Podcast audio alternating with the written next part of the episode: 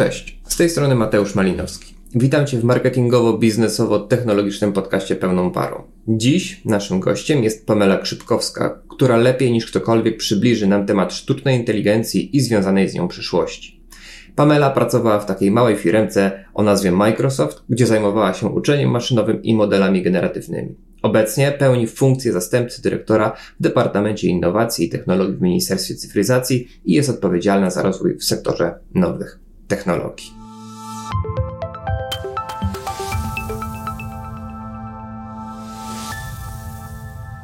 W kontekście tego, o czym rozmawialiśmy w sumie trzy miesiące temu na naszym ostatnim meetupie 404, gdzie tak e, w kuluarach rozmawialiśmy o tym, że pojawiają się plotki o AGI, o tej silnej sztucznej inteligencji i wtedy oboje raczej traktowaliśmy to na zasadzie takiej bajki, mrzonki, że to technologia w ogóle nie jest do tego dostosowana, żeby mogła sama podejmować jakieś decyzje.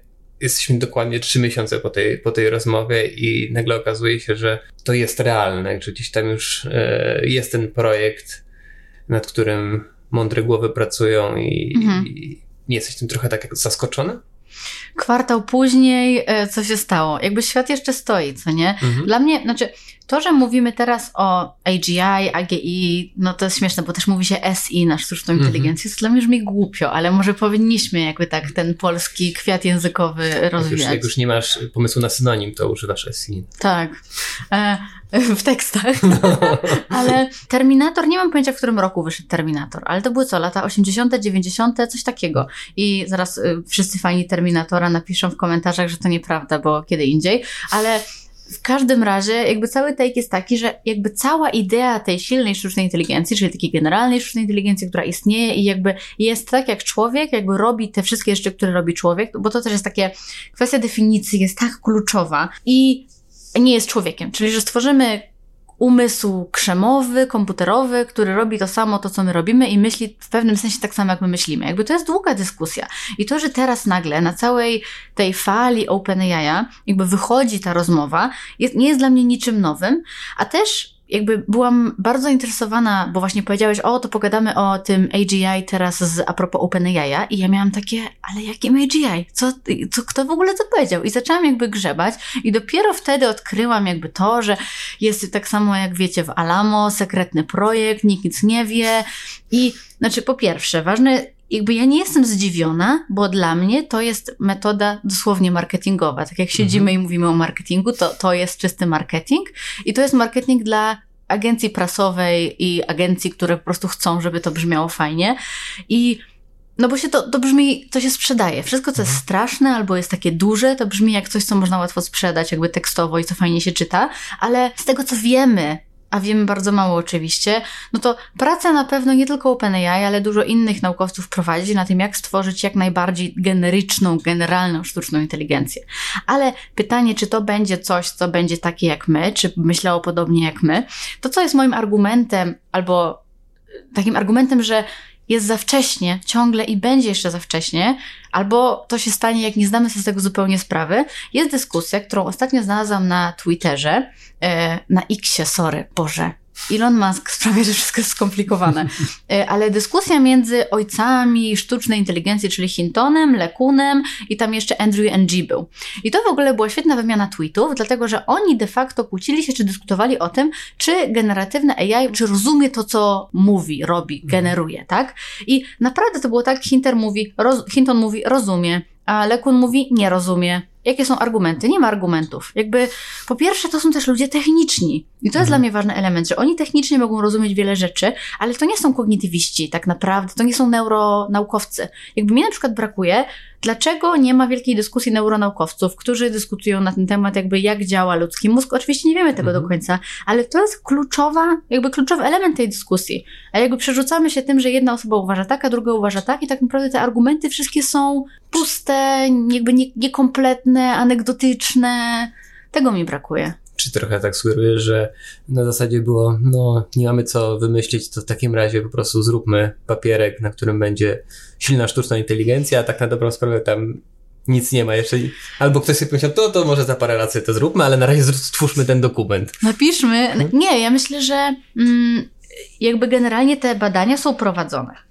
E, I też dużo ludzi by chciało, też jest kwestia tego, no właśnie tej definicji, bo ja nawet znalazłam taki cytat z e, Altmana, który on powiedział dwa czy trzy razy, że jego zdaniem to AGI to jest taki, jak on to powiedział, słaby e, pracownik, którego, o tak, średni człowiek, którego mógłbyś zatrudnić jako swojego współpracownika. On powiedział medium human. No hmm. i jakby to jest zupełnie czym innym niż to, co mówimy no, że AGI tak naprawdę superkomputery zawładną światem. Jakby to zrozumienie, o czym my mówimy, jakby też jest bardzo istotne. No, nigdy nie możemy powiedzieć, istnieje taka teoria, oczywiście anegdotycznie, mówiąca o tym, że a co jeżeli tak naprawdę wszystkie narzędzia elektroniczne mają emocje. I my na przykład nie, nie jakby nie wiemy o tym, bo one nie umieją tego przekazać, ale jak, nie wiem, naklikasz na swój telefon, to on coś czuje.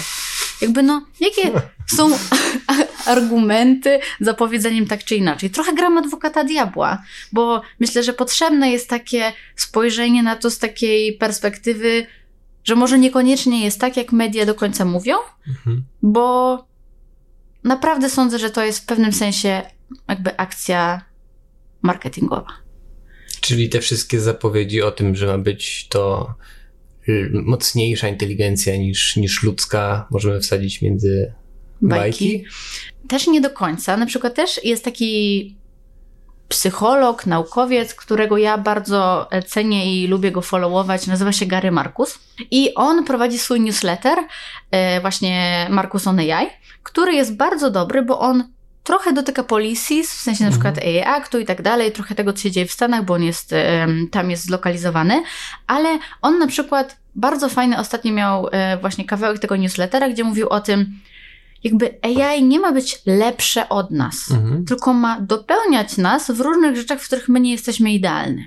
I oni na przykład mówią o tym, że ludzie są bardzo dobrzy w tworzeniu coś, co można nazwać mental models czy cognitive models. My jesteśmy w stanie tworzyć pewne modele świata, które według naszej najlepszej wiedzy, no bo inaczej nie da się tego powiedzieć, obecne modele AI-owe nie są w stanie tego robić. Albo jesteśmy w stanie wyciągać semantyczny, w bardzo efektywny sposób pewną semantyczną warstwę tekstu, czego AI nie jest w stanie aż tak dobrze, dobrze robić. I on mówi, to są rzeczy, że na przykład my wiemy, co jest prawdą. W sensie mamy jakieś takie pojęcie faktu. Hmm. Też oczywiście tutaj można długo dyskutować, czy AI nie ma, są jakieś jakby, są ludzie, którzy mówią, że ma właśnie, no to zawsze jest jakaś dyskusja albo albo, ale no nie da się na przykład y, negować tego, że AI, te generatywne modele halucynują. Tak mhm. Tak jest, kropka, i jakby tego nie jesteśmy w stanie na ten moment, nawet OpenAI nie ma na to żadnego pomysłu. I nie pojawił się żaden taki twardy pomysł, jak sobie z tym poradzić. Są takie obejścia, mhm. ale nie ma nic twardego. I Gary Marcos właśnie mówi o tym, te umiejętności są nasze i zostawmy je u siebie, ale za to komputery czy generalnie te systemy AI-owe, jakby no nie jesteśmy lepsi niż baza danych, nie jesteśmy lepsi w liczeniu niż kalkulator. Mhm. Niech te modele służą nam, współsłużą nam właśnie w budowaniu takich e, świetnych baz wiedzy, łączenia faktów, wyciągania wniosków, to, że one jakby nie są zbajasowane. Mogą nie być zbajasowane, jak dobrze je nakarmimy danymi, mhm. to faktycznie mogą tworzyć jakby lepszy model świata niż my jesteśmy w stanie jakby to zrozumieć, ale nie próbujmy włożyć je w nasze buty. Bo to nie o to chodzi. Tak, ale z drugiej strony, no właśnie, to jest jakby miałoby być uzupełnieniem, ale w założeniu silnej sztucznej inteligencji jest też to, że, o ile się nie mylę, że ma podejmować sama działania, tak? Tak. No to w tej sekwencji już trochę takim zagrożeniem może być. Znaczy, to też jest takie. Yy, o, oczywiście, jakby ja generalnie sądzę, że też ludzie mówią, że sztuczna inteligencja może być zagrożeniem sztuczna inteligencja w pewnym sensie jest zagrożeniem, mhm. tak samo jak jest pomocą.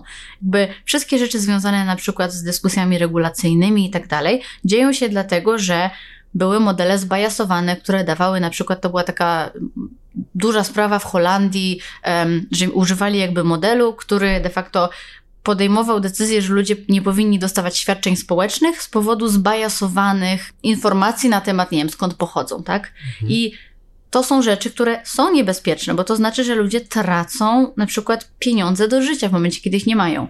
Więc trochę mówienie o tym może być niebezpieczne w takim sensie terminatora, jakby albo zabierze nam wszystkich pracę, jakby jest zapominaniem o tym, że może być niebezpieczna już teraz, bo podejmuje jakieś decyzje, a my nie do końca zawsze rozumiemy, dlaczego, tak?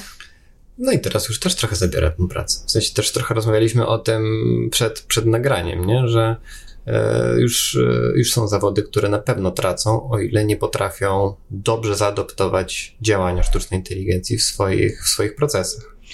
Ja powiem Ci szczerze, że jestem bardzo ciekawa, no bo generalnie w Polsce jest taki trend, że bezrobocie spada. Cały czas spada, mhm. teraz mamy bardzo, bardzo niskie, no już nie powiem, żeby nie skłamać, ale to jest jakby kilka procent. Mhm. I mega jestem ciekawa, czy faktycznie zauważymy jakieś takie tąpnięcie we, jakby we wzroście bezrobocia związane z tym, o czym mówisz. A może w poziomie życia. Albo w poziomie życia, albo czy ludzie zaczną zmieniać pracę, bo to by było super.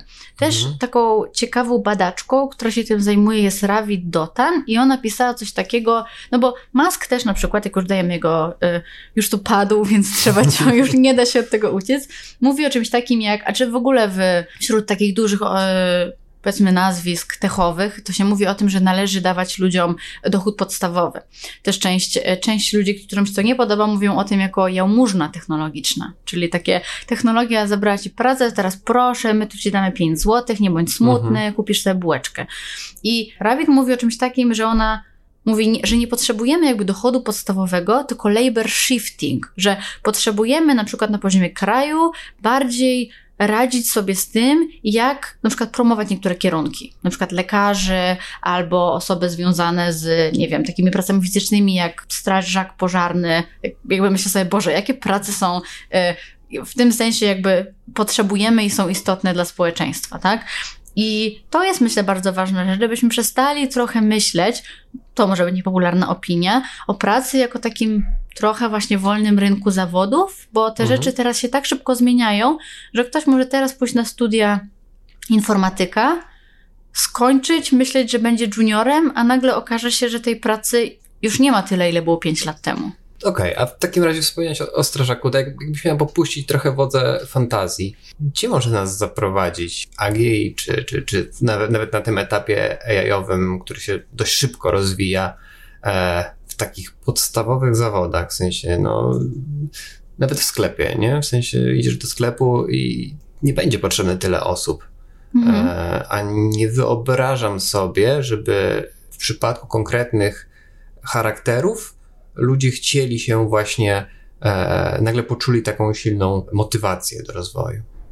Czyli, że nie wiem, stracę pracę i co teraz, jakby, że ludzie nie będą tak, mieli motywacji to, do tego. To, to trochę, trochę tak, a z drugiej strony trochę jak miałyby te zawody wyglądać według ciebie? Mhm.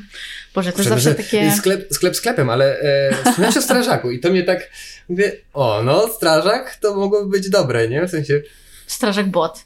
E, zawsze jak mam spekulować, to jest bardzo trudne, bo ludzie spekulują i wychodzą z tego straszne klopsy. Spekulacja to brzmi tak... E, tak jakbyś już... Środkami finansowymi spekulował. Tak, albo w ogóle jak, jakbyśmy do tego dużą uwagę musieli w tym momencie nie, to chodzi o twoje wyobrażenia. W sensie, no, jesteś osobą, która wyjątkowo dużo w swoim życiu miała styczności z, z AI-em, więc no, masz najwięcej tych cegiełek do ułożenia tej no. wizji. Znaczy, powiem ci tak, z mojej perspektywy, jakby e, to jest ważne, bo jakby Kiedyś to też się pojawiła taka dyskusja, jak się pojawiło się Generative AI, że się mówiło kiedyś, że zawody kreatywne są safe, za, jakby wszystkie prace, które zostaną zabrane, są jakieś takie prace podstawowe, które mhm. wymagają, wymagają niskiego do, wykształcenia, a dochodzimy trochę do takiego zwrotu, czyli jakby mniej programistów, ale więcej na przykład potrzeba osób, które układają nie wiem, rzeczy na półkach, tak? Albo właśnie, nie mówię, że żeby, żeby być strażakiem nie potrzeba y, rzeczy, bo ja na przykład nie czułabym się absolutnie kompetentna, żeby zostać strażaczką, ale to, że na razie, jeżeli chodzi o robotykę na przykład, robotyka z mojej perspektywy, ale też ja nie zajmuję się robotyką, więc fajnie byłoby usłyszeć jakby co myśli ktoś, kto się z tym specjalizuje, jakby trochę nie do nie dostąpiła kroku do tego, jak już rozwinęły się te systemy takie efemeryczne. Mhm. Czyli możemy powiedzieć sobie, że mamy te systemy, modele, które podejmują decyzje, modele, które właśnie wiem, generują tekst, generują obrazy i one są na poziomie, że są w stanie w pewnym sensie wspomóc grafika, po, połowicznie zastąpić grafika, a nie mamy tak dobrego robota, który byłby tak dostępny dla ludzi, tak tani, że nie potrzebujemy nikogo, żeby wykładał rzeczy w sklepach albo żeby ktoś siedział mhm. na kasie. Więc jakby to jest trochę, myślę, rzeczy, że dużo rzeczy zmienia się i dzieje się, czyli dla osób, które pracują przed komputerem i mhm. my bardziej musimy wdrażać w nasze życie te narzędzia AI-owe, A jeżeli chodzi o takie osoby właśnie, które mają prace bardziej fizyczne, można powiedzieć, to ta jeszcze, to tam pod te strzechy jeszcze nie trafiło. Tego tam nie ma tak generalnie. To w takim razie, czy nie prowadzi nas to do tego, że jednak ten wzrost bezrobocia będzie? Do Może, pewnego no. momentu Mhm. musi być społecznie taki mocny bodziec do tego, żeby coś się zmieniło. I to może być czymś takim, co rzeczywiście ludzi miałoby pobudzić do jakiejś zmiany. Ja powiem Ci tak, czasem sobie myślę, że ja mogłabym naprawdę chętnie siedzieć na kasie. W sensie, gdyby się okazało, że moja praca jakby jest y, obsolet w takim sensie i że intelektualnie już nie ma, nie ma architektów, którzy chmurowe rzeczy budują i AI-owe modele robią, to już jest niepotrzebne. Niepotrzebne jest żadne ministerstwo, bo mamy roboty, które w ministerstwie pracują i teraz jedyne, co mogę robić, to na przykład właśnie sprzedawać jakieś artykuły w sklepie albo pracować na stacji benzynowej. To jest coś niesamowicie uwalniającego w myśli, że możesz pracować w taki sposób. To jest jedna rzecz, która myślę, że jest ważna. Albo na przykład na śmieciarce. To jest taka rzecz, która myślę, jeździsz cały dzień albo noc. No a generalnie wychodzisz z pracy i praca jest jakby jest gone. Nie ma pracy, jakby nie musisz o tym myśleć. To jest super. To powiem ci z drugiej strony. Miałem przyjemność pracować w wielu sklepach na w okresie studiów i wtedy wkurzają cię inne rzeczy. Na przykład to, że kasa przez 8 godzin robi pik, pik, pik, O Boże. pik, pik, pik, pik i musisz wytrzymać 8, a nie, przepraszam, nie 8, 12 godzin. O matko, w sensie takie zmiany półtora, yy, znaczy dzień i pół. Więc Znaczy, no, to prawda i nie ma, nie ma jakby pracy, to jest też taka powrót do korzeni, praca fizyczna, że nam się marzy. Yy, I to też na pewno nie jest prawdą. Ja teraz tak gadam jako człowiek, który może czasem ma dosyć gapienia się w komputer. Yy, każdy tak ma. No. no właśnie, myślę, a tak, każdy... Nie, no oczywiście, w, pe- w pełni to rozumiem. Czasem takie czasem, że może nie tyle, żebym wrócił tam chętnie, ale Ale myślę, że wzrost bezrobocia liczyłabym, że nie. To, na co bym liczyła, to że na przykład dzięki temu, że AI umożliwi nam tworzenie, to jest też taki trend personalnych asystentów nauczania, personalnych jakby taki twój personalny AI-owy asystent, możesz się zapisać na kurs i on cię Mhm. trochę poprowadzi, dostosuje kurs do ciebie, że na przykład będzie dużo łatwiej się przebranżowić niż było to wcześniej, bo nie miałeś czegoś takiego, takiego swojego personalnego nauczyciela. A to jest taka rzecz, która myślę, że może być mega wartościowa. a w takim ujęciu ogólnym wspomniałeś Terminatora. Trzeba, to jest takie słowo, które musi się pojawić. Musi, to jest, w sensie nawet, nawet chyba ktoś ostatnio wrzucał jakiś post i poprosił właśnie o wizję przyszłości. I oczywiście AI wygenerowało właśnie takiego Terminatora zajmującego się dzieckiem. Nie pamiętam kogo to widziałem. Naprawdę? Okej. poście.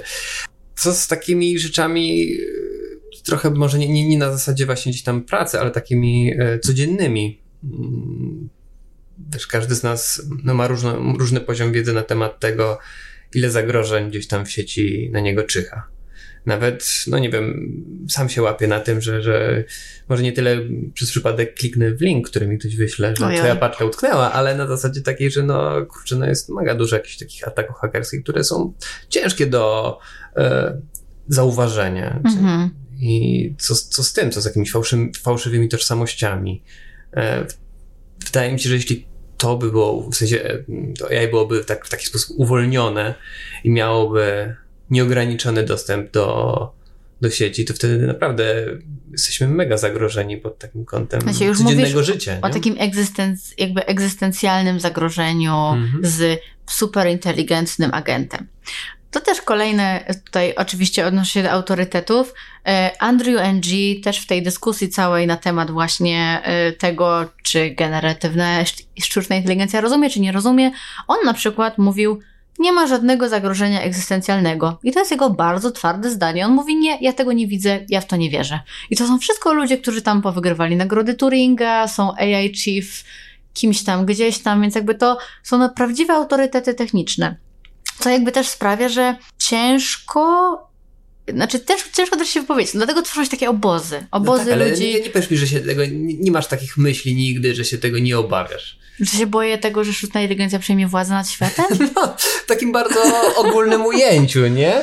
Ale nie powiesz mi, że, że żadne obawy ci się nie... Boję się dezinformacji i to jest rzecz, która, ale to jest właśnie, to, to, to jest takie realne ryzyko niestety, czyli na przykład to, co generatywna sztuczna inteligencja dała nam w takiej negatywnej spuściźnie, jest to, że dużo łatwiej jest generować content. Oczywiście, co też znaczy content, który jest na razie w dużym stopniu nieodróżnialny cały czas od tego, co jest w stanie napisać człowiek. Są to jakby jakieś... E, ważne, że to, że OpenAI stworzyło tego tula, który tam mógł, mówiło, czy jest takie, czy jest śmaki, to oni już go wyłączyli, bo stwierdzili, że to jest tak złe i to nic nie odkrywa, że jakby zamykamy. Absolutnie. Więc Żaden jakby... detektor praktycznie tak. nie daje ci wiarygodnej informacji. No, trochę takie wróżenie z fusów. I to, co mnie stresuje, jest to, że mi na przykład, ja już to odczuwam, a myślę, że ludzie, którzy żyją w naszych czasach też to odczuwają, wszystkie informacje, jakby ja muszę znać źródła. Jak ja mhm. mogę znać źródła? Jak wpisujesz coś w czata, to jest oczywiście znane, to tam na przykład żadnych z tych źródeł nie ma. Bard, takie inne dostępne darmowe rozwiązanie Google'a, wyszukuje w tyle, ale nie mówi ci, co wyszukuje. Mhm. Bing AI już daje ci źródła, ale to nie jest tak, że on daje ci wiarygodne źródła, bo kto miałby ocenić, czy to jest wiarygodne? Dla mnie, jeżeli na przykład chcę przyjść coś powiedzieć tutaj do mikrofonu i to będzie zapisane, to ja muszę mieć 47 y, godzin znajdywania, czy na pewno ta informacja jest prawdziwa kto podał te informacje, jakby gdzie jest źródło. I to sprawia, że na przykład to, co się mówi, że internet dał nam taką możliwość dostępu do wiedzy na pstryk. Mhm. Jakby dla mnie teraz to jest dużo wydłużające ten jakby cykl życia informacji, bo ja nie jestem w stanie dotrzeć do źródła. I to jest dla mnie stresujące.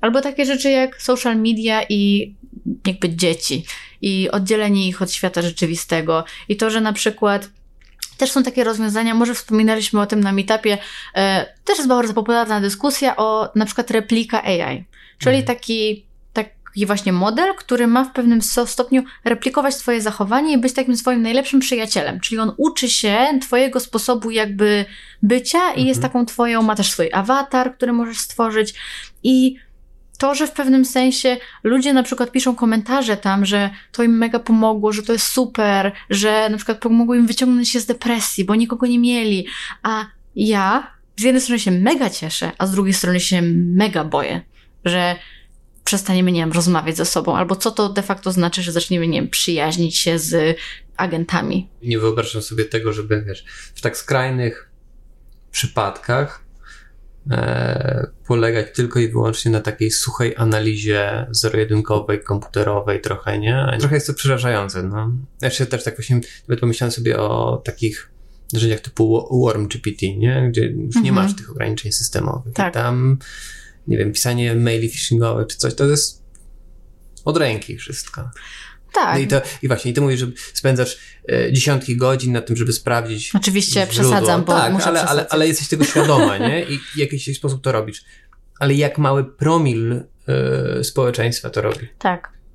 Znaczy, nie wiem, czy mały promil, liczę, że więcej niż nam się wydaje, bo też taki, z takich ciekawych informacji wyszedł taki raport chyba miesiąc temu, y, który był bardzo ciekawy Fundacji Digital Poland na temat nastawienia polskiego społeczeństwa do sztucznej inteligencji. Znaczy, ono generalnie było, jakby to jest robiony raport a propos społeczeństwa 4.0 i oni y, robią ogólnie o nastawieniu technologii, ale mega skupili się w tym roku na właśnie y, tym stosunku do AI i na przykład wyszło im, że z tego, z tych badanych ludzi, tej badanej grupy, ludzie boją się dużo bardziej niż jakiegoś właśnie AI disaster, boją się kataklizmu, powodzi, jakichś takich zwykłych rzeczy, które mhm. jakby jak spojrzymy spojrzymy na to, no to faktycznie jest bardziej jakby normalną rzeczą, której można się bać, co mnie na przykład sprawia, że ja się cieszę, bo jak widziałam te wszystkie dramatyczne nagłówki o tym, że AI wszystkich nas zje, a jestem człowiekiem, który pracuje z tym i stara się na przykład popularyzować to wśród ludzi, mhm. no to jak ktoś miałby mi mówić, że ale dlaczego mi pani tutaj promuje jakiegoś czata, jak on zaraz, nie wiem, zawładnie nad światem.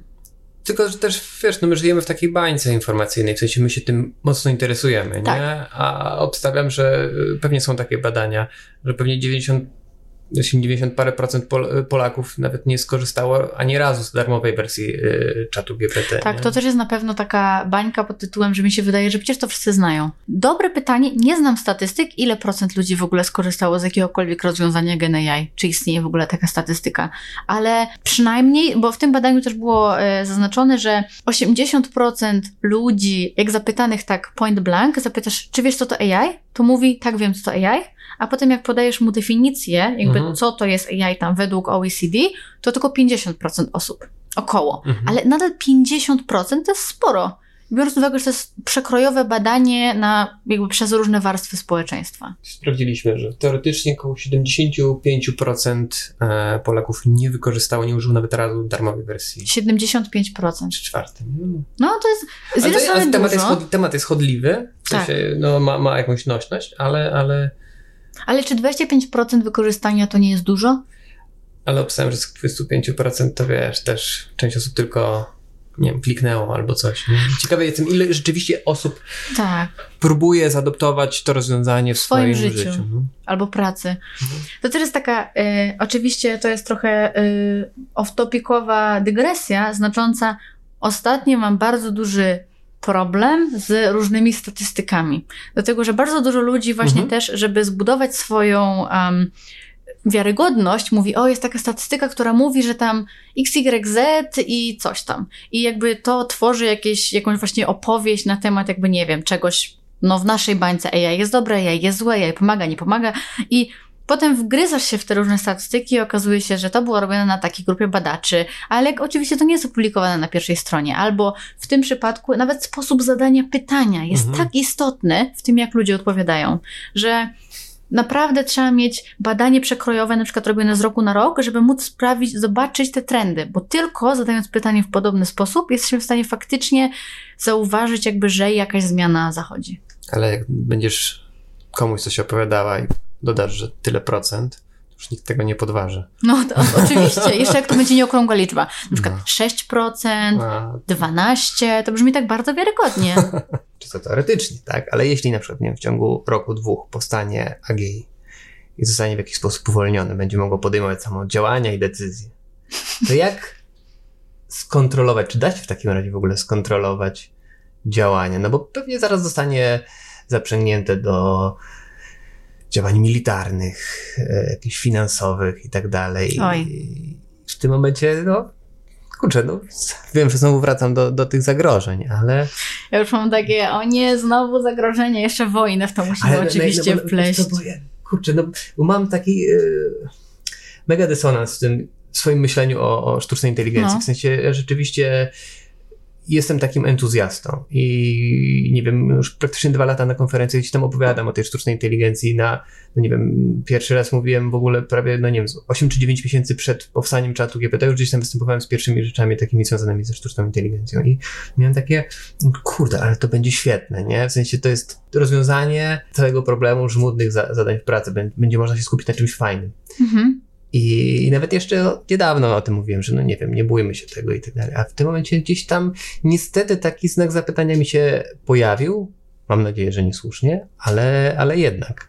Znaczy, ja sądzę, Bo że się tego, że po prostu tego nie skontrolujemy, nie? tak, jakby kwestia jest taka, jak ocenić w takim sensie zakładu Pascala zagrożenie finalne. No bo jakby możemy powiedzieć, na przykład jestem w stanie ocenić y, y, ryzyko powodzi, powiedzmy, i ile powódź, nie wiem, jest w stanie zabrać żyć, albo ile możemy stracić na powodzi.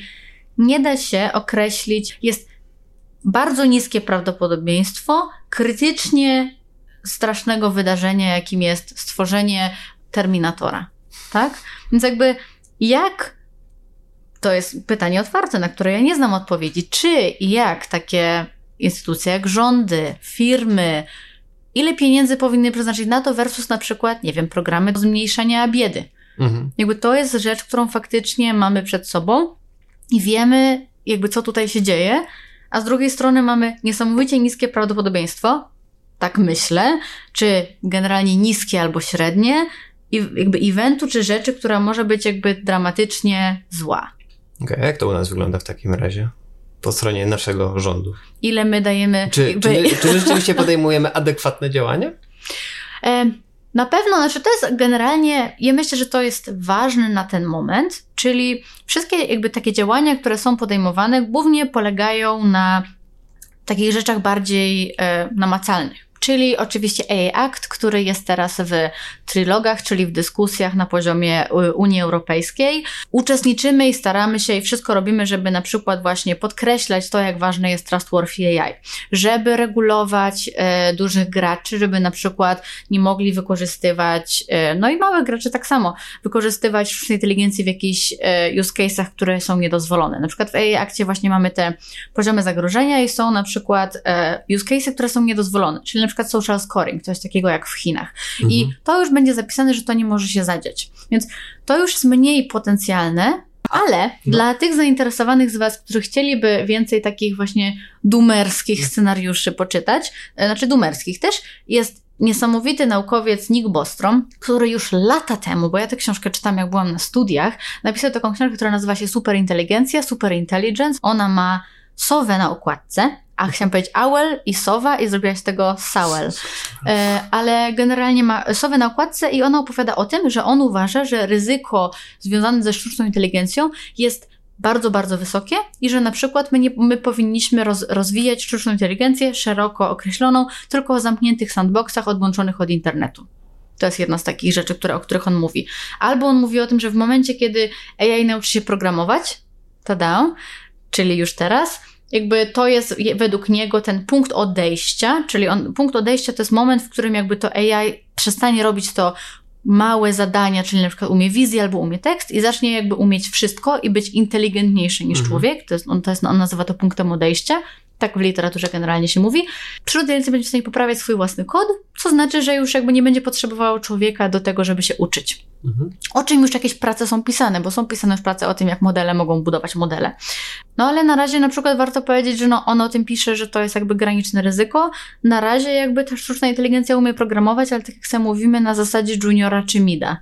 Jeden rabin powie tak, drugi rabin powie inaczej, nie? Ale bardzo Wam polecam tę książkę. Ale też no, pracujesz nad fajnymi projektami tutaj właśnie na polskim rynku, jeśli chodzi o, o AI-owe rozwiązania masz jakieś takie swoje ulubione pomysły z naszego polskiego rynku, które mocno cię jakoś zainspirowały? Myślę, że takimi fajnymi polskimi firmami, na które warto, którymi warto się zainteresować w tym AI-owym e, świadku jest na przykład Eleven Labs. Oni robią, to jest już bar, bardzo popularna firma, więc wiele z Was pewnie ją zna. Oni robią właśnie takie e, syntetyczne głosy, które są bardzo realistyczne, czyli generalnie text to speech. To jest jakby super sprawa. Druga rzecz, no to na przykład e, to z podwórka, które dopiero się rozwija, ale to jest mega fajna inicjatywa w tegorocznej Szkole Pionierów, czyli takim e, programie venture buildingowym e, robionym właśnie przez PFR, wygrał projekt GDoka, który robi e, marketplace dla AI-owej automatyzacji. Czyli mhm. oni generalnie starają się zrobić coś takiego, że jeżeli jesteś e, AI-owym, jakby chcesz wprowadzić AI w swojej firmie, no a wiemy, że to jest często optymalizuje różne procesy, to po prostu możesz wejść tam i są pewne automatyzacje takie trochę gotowe, koszykowe, które zostaną jakby prosto, będą w stanie wdrożyć jakby na Twoim środowisku. No, to też na przykład zobaczymy jak pójdzie, bo to jest nowy projekt, ale to fajnie mhm. pokazuje, że myślę tego potencjału w Polsce jest bardzo dużo i my teraz jako ministerstwo właśnie zbieramy e, informacje na temat AI-owych firm w Polsce oraz AI-owych badaczy i badaczek, żeby właśnie tworzyć trochę taki bardziej miejsce na network, żeby umożliwiać ludziom branie sobie jakichś best practice'ów, może pewnie będziemy robić jakieś seminaria i też promować to na świecie, bo to jest też taka rzecz istotna, że innowacji w Polsce jest sporo, tylko one często nie mają My umiemy robić techniczne rzeczy, ale czasem nie umiemy ich dobrze wypromować. Mhm. I to jest ta rzecz, której myślę nam tutaj w Polsce brakuje, co mamy nadzieję zmienić przez właśnie te inicjatywy. Więc bardzo Wam polecam właśnie Możecie wpisać sobie też, jeżeli znacie albo jesteście badaczami, albo macie firmę, która e, mocno używa albo tworzy AI rozwiązania, właśnie katalog badaczy, badaczek AI, albo katalog e, polskich przedsiębiorstw używających AI. Na naszej stronie ministerstwa jest do tego link, no i możecie się po prostu zapisać. Obiecuję, że ten formularz nie jest bardzo długi. Jest troszeczkę, troszeczkę średni. Można uzupełnić z czatem GPT. Można. Tylko żeby to było sensowne, proszę. A duże jest zainteresowanie? E, tak, na razie, żeby nieską magię, to otworzyliśmy. No parę dni temu, albo z tydzień temu otworzyliśmy. Na razie w tym momencie mamy zgłoszonych około 40 firm i około 70 badaczy. Super. Więc e, bardzo, bardzo mnie to cieszy, bo liczę na to, że uda nam się dobić do 100 i co najmniej 50 e, tych firm, bo to jest naprawdę jest taka pokaźna grupa innowacji, które można wydajnie promować. Więc super, mega mnie to cieszy. Nie, no fajnie. To się trochę tak wpisuje w taki obraz Polaków, w sensie taki, który ja widzę, że my lubimy rozwój, lubimy, lubimy technologię, lubimy być na bieżąco i to, co mi zawsze tak w sumie najbardziej obrazowo zaskakuje, to, że tak u nas wszędzie można płacić chociażby kartami, a w Stanach czy gdzieś nie jest to aż tak popularne. Tak, ale jakby, więc to jest ważny temat, czyli cyfryzacja, kropka. Jakby Polska na przykład właśnie ma bardzo dużo naukowców, naukowczyń, ale to jest to, co powiedziałam, że myślę sobie, że my bardzo skupiamy się na takich właśnie konkretnych działaniach, które robimy, ale nie zawsze właśnie mamy taki talent sama Altmana, żeby mhm. coś sprzedać i tak pójść i wjechać i po prostu powiedzieć, mamy super pomysł. Jesteśmy też bardzo zachowawczy, w takim sensie, no nie wiem, jak ktoś mnie zapyta o jakąś rzecz, no to myślę, że ja będę bardziej zachowawcza w powiedzeniu, moje rozwiązanie jest ok. Nie jest najlepsze, ale jest ok. A ktoś inny powie, w ogóle to zrobi wszystko. No ale to, to musiałaby, wiesz, być Amerykanką i po prostu... No właśnie, więc jakby to jest warto sposób, jest... Ale to jest sposób gdzieś tam, to już w ogóle dochodzimy do jakichś takich podstaw, fundamentów wychowania i tego w ogóle, jak, jak, jak ci ludzie myślą o sobie. Więc przedsiębiorczość w Polsce trzeba promować, bo przedsiębiorcy sami czasem nie mają, e, no po prostu przebicia. I to myślę, że jest ważne. Więc budujcie biznesy, róbcie fajne rzeczy, używajcie AI, ale bezpiecznie. Okej, okay, bezpiecznie? Czyli? Daj takie trzy zasady najważniejsze. Dobra. No to generalnie jak używacie otwartych modeli, czyli takich rzeczy dostępnych za darmo, bo ich jest najłatwiej użyć, czyli czata, barda, binga, to nie wpisujcie tam żadnych swoich danych personalnych, danych tajnych, danych firmy, to jest jedna rzecz. Druga rzecz, nie używajcie tych rozwiązań, jakby już innych rozwiązań, po prostu AI-owych rozwiązań, do właśnie na przykład takich case'ów, gdy nie, nie jesteście pewni, jakie macie dane. Czyli od danych wszystko się zaczyna, więc jeżeli chcecie już budować modele, czyli chcecie iść krok dalej, nie tylko korzystać z AI, ale trochę sobie coś pobudować, to zwracajcie bardzo dużą uwagę na to, jakie są wasze dane.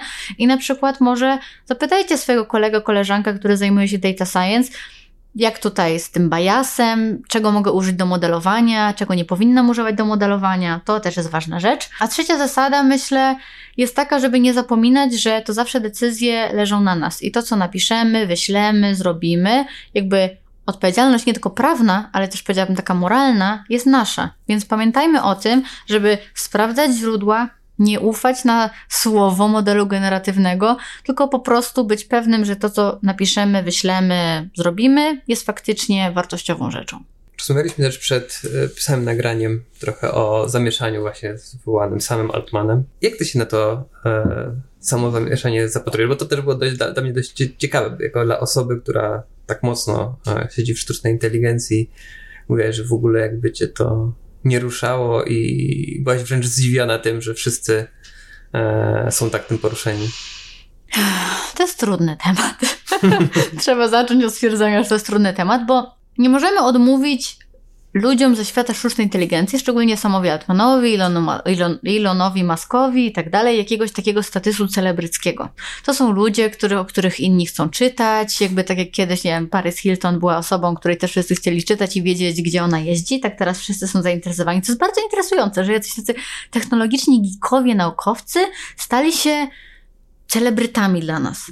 No ale już e, odchodząc od tego, że no generalnie pamiętajmy o tym, że to jest jednak jakiś kult celebrytów, to to jest, jest straszne w pewnym sensie, że ludzie zaczęli zastanawiać się, czy nie wyjść z OpenAI. Czyli ludzie, którzy na przykład swoje biznesy pobudowali na tym, mówią, Boże, to ja może przejdę na Google'a, bo ja nie wiem, czy ten biznes wytrzyma, bo ten człowiek odchodzi z firmy. I cała ta drama związana z tym, że on tam był zwolniony, potem wrócił i to naprawdę dla mnie była jak, jak jakiś reality show. Znaczy, wszyscy po prostu na LinkedInie i na jakichś innych mediach społecznościowych pisali o tym, Boże, zobaczcie, co się właśnie stało, Sam Altman, nie wiem, zrobił to i to, porozmawiał z Satią, albo y, poszedł gdzieś, nakupił sobie burgera. I to dla mnie było właśnie takie męczące, dlatego mhm. że ja, a z drugiej strony nie chcę mówić, że o, to jest taka nudna drama, bo ja rozumiem, i to jest w pewnym sensie właśnie straszne, że jest bardzo duży biznesowy stake w tym, gdzie on będzie, co on będzie robił, czy on mnie tak jak miał iść do Microsoftu, czy zostanie w OpenAI'u, co na przykład ta firma będzie robić, bo Chociaż pamiętajmy o tym, że pieniądze światowe, revenue, które jest generowane przez Generative AI, jest malutkie. Myślimy o tym też poprzez tę naszą bańkę, jako jakaś wielka rzecz, która generuje teraz bardzo dużo pieniędzy. Ja nie mówię, że ona nie będzie generowała dużo pieniędzy, bo może będzie. Są mhm. ludzie, na przykład Gary Marcus, który mówi, że nie będzie nigdy generowała i że to jest faktycznie jak bańka mieszkaniowa, że to po prostu w końcu pęknie. Ale to, że jakby to ma takie biznesowe znaczenie, to, że czyjeś personalne wybory mają aż takie duże znaczenie dla tego, jak będzie działał biznes, świat, jest dla mnie po prostu frustrujące. Tak z swojej perspektywy też, jak usłyszałem to, to tak się nagle zastanawiam, czy to wszystko nie, nie wyhamuje, nie? W sensie, że takim, że teraz bez tego gościa po prostu, bez takiego wizjonera nagle ten, ten poziom tempo wzrostu nagle wyhamuje. A... No właśnie, nie chcę teoretyzować, ale myślę, że wa warto, żeby o tym wspomnieć z takiego punktu widzenia jakby no właśnie tej historii OpenAIowej i to, co, co, co to nam mówi o naszym świecie. I ta teoria, czy te teorie, które różne były na temat, dlaczego on tak naprawdę był zwolniony, o co poszło, no i że trochę dyskusja była, że to była trochę taka schizma religijna, skupiona na właśnie tym wzroście i na tym, że chcemy cisnąć ten biznes, wracając do dyskusji o projekcie tajemniczym gener generalnej sztucznej inteligencji, a ludźmi, którzy mówią, ej, jakby zatrzymajmy się, zastanówmy się, zróbmy to lepiej, zróbmy coś jednego, ale lepiej, mhm. zwróćmy uwagę na te rzeczy etyczne i że to na tym polegała ta schizma. I dla mnie fakt, że mówimy sobie, o, to jest takie ważne, żeby ciągle iść do przodu, jest trochę no właśnie, znowu zapala lampkę w mojej głowie, kiedy warto sobie pomyśleć, ale czy na pewno zawsze trzeba iść do przodu? Czy według ciebie lepiej byłoby, gdyby tam nie wrócił? Nie wiem, nie znam odpowiedzi na to pytanie. Pewnie jak będziemy żyć w światach równoległych, to będę umiała powiedzieć, jakby jak będzie wyglądał świat bez i z samym Altmanem w OpenAI'u. Sądzę, że dobrze jest, że zadziało się to, co się zadziało, mhm. i, ale warto użyć tej sytuacji jako trochę lustra na to, gdzie jesteśmy i co my robimy jakby z nami samymi, tak? To, co ciekawe, a propos właśnie takiego radzenia sobie, no bo też pamiętajmy, OpenAI tak naprawdę jest fundacją, która kieruje firmą. W sensie jakby oni jako fundacja, czyli ten AI Lab, mają właśnie firmę OpenAI. I to też jest tak, że oni od początku, na przykład na ich stronie i tak dalej, było mówione, że oni im bardzo zależy na tym, żeby to były rozwiązania etyczne, żeby tam ludzie tego używali etycznie, tam etyczne przez wszystkie przypadki. No a potem dużo ludzi też zaczęło um, zwracać uwagę na to, że no, ich modele halucynują, oni z tym nic tak naprawdę nie robią, to jest wystawione na rynku, no i jak mamy mówić o pewnej etyce? I też jest taki termin ethics washing, czyli po prostu, że ludzie mówią o etyce, a tak naprawdę nic z tym nie robią, ale oni właśnie też teraz, e, tuż przed tą całą, że tak powiem, dramą, e, zaczęli coś takiego, co nazywa się Preparedness Challenge i razem z tym stworzyli tak zwaną Preparedness Team, czyli stworzyli jakby team w OpenAI, który ma zajmować się właśnie takim byciem gotowym na różne zagrożenia. I ten team, ma się zajmować właśnie takim researchem, a to challenge polega na tym, że możesz zgłosić swój pomysł, co według Ciebie jest takim zagrożeniem, jak można by to potencjalnie rozwiązać i jest szansa, że dostaniesz chyba 25 tysięcy dolarów i możesz dostać pracę w tym preparedness team. Więc jakby oni pokazują, patrzcie, wkładamy pieniądze w faktyczny research, który sprawdza ten małe prawdopodobieństwo, wysokie zagrożenie sytuacja. To jest też takie zastanawiające, bo trochę w opozycji do tego, jak nie wiem, Microsoft nagle zwalnia zespół do spraw etyki. E, tak, to była, to była historia generalnie, jak chyba wyszła ta inwestycja w OpenAI i była ta y, Azure OpenAI zaczęło istnieć, uh-huh. to wtedy wyszło to w mediach, że oni zwolnili ten zespół. Powiem tak, z mojej najlepszej wiedzy to było tak, że ten zespół został jakby rozdystrybuowany po innych zespołach. Czyli jakby. Ale już się nie zajmowali tym, co mieli. No właśnie. Teraz wtedy już zajmowali się zupełnie czymś innym. Więc jakby dobre pytanie jest. Um, Czyli nie zwolnili? Ale... Tylko redystrybuowali? Powiem tak, tego nie wiem i znowu wracamy trochę do tego case'u, co mówią media, a jaka jest prawda. Bo to prawda, że na przykład taka idea whistleblowingu, czyli że coś się dzieje e, i taki typowy e, właśnie ktoś, kto walczy o dobro społeczne, mówi o jakimś tajemniczym projekcie i dzięki temu ratuje świat. Albo właśnie pomaga Snowden e, wykryć jakieś e, super straszne rzeczy. a z drugiej strony jakby ten whistleblowing stał się takim sposobem, no właśnie przez to, że tak bardzo zależy nam na klikalności i na tym, żeby te media były klikalne, często można opublikować rzeczy, które, no właśnie, nagłówek brzmi dobrze, a to, co się naprawdę zadziało, nikt nie wie. I to jest bardzo trudna praca, znowu wracamy jakby szukającego informacji, której czasem nie da się wykonać, żeby wiedzieć jakby czemu można wierzyć, komu można wierzyć. Obawiam się, że AI nam z tym nie pomoże. Z jednej strony tak, bo to jest ta kwestia dezinformacji, o której mówiliśmy i tego, że generowanie kontentu jest no, tańsze i prostsze. No, a z drugiej I masowe. I masowe. A z drugiej strony jest to, co się mówi o cyber security często, czyli że jakby AI jest naszym najlepszym, jakby najlepszym przyjacielem i najgorszym wrogiem. Czyli jest nie chcę mówić siły dobra i siły zła, które AI-owe będą teraz walczyć ze sobą, mm, ale chodzi o to, że musimy próbować i takich inicjatyw AI for Good i, e, i takich właśnie mm, programów e, i jakby rzeczy, które starają się fokusować na tym, jak AI może zrobić coś dobrego, jest naprawdę dużo. To była taka rzecz, która wyszła przy AI Safety Summit, tym co działo się w UK. Mhm. Oni właśnie zebrali bardzo dużo takich use case'ów AI for Good i mówili, zobaczcie, jakby możemy używać niekoniecznie tej generatywnej AI, no bo to jest oczywiście jeden z mhm. bardzo dużej ilości tych modeli i rozwiązań do robienia dobrych rzeczy. I może na tym należy, nie wiem, więcej energii, więcej pieniędzy na to wkładać. Tym pozytywnym akcentem zakończymy naszą dzisiejszą dyskusję. Obyśmy rzeczywiście, rzeczywiście poszli w stronę słońca. A za trzy miesiące e, nie musieli mówić, że kurde, jednak się myliliśmy z tym AGA. Żebyśmy zdążyli opublikować. Dzięki Pamela, Dzięki. było mi bardzo miło i do usłyszenia przy kolejnym odcinku. Trzymaj się. Hej.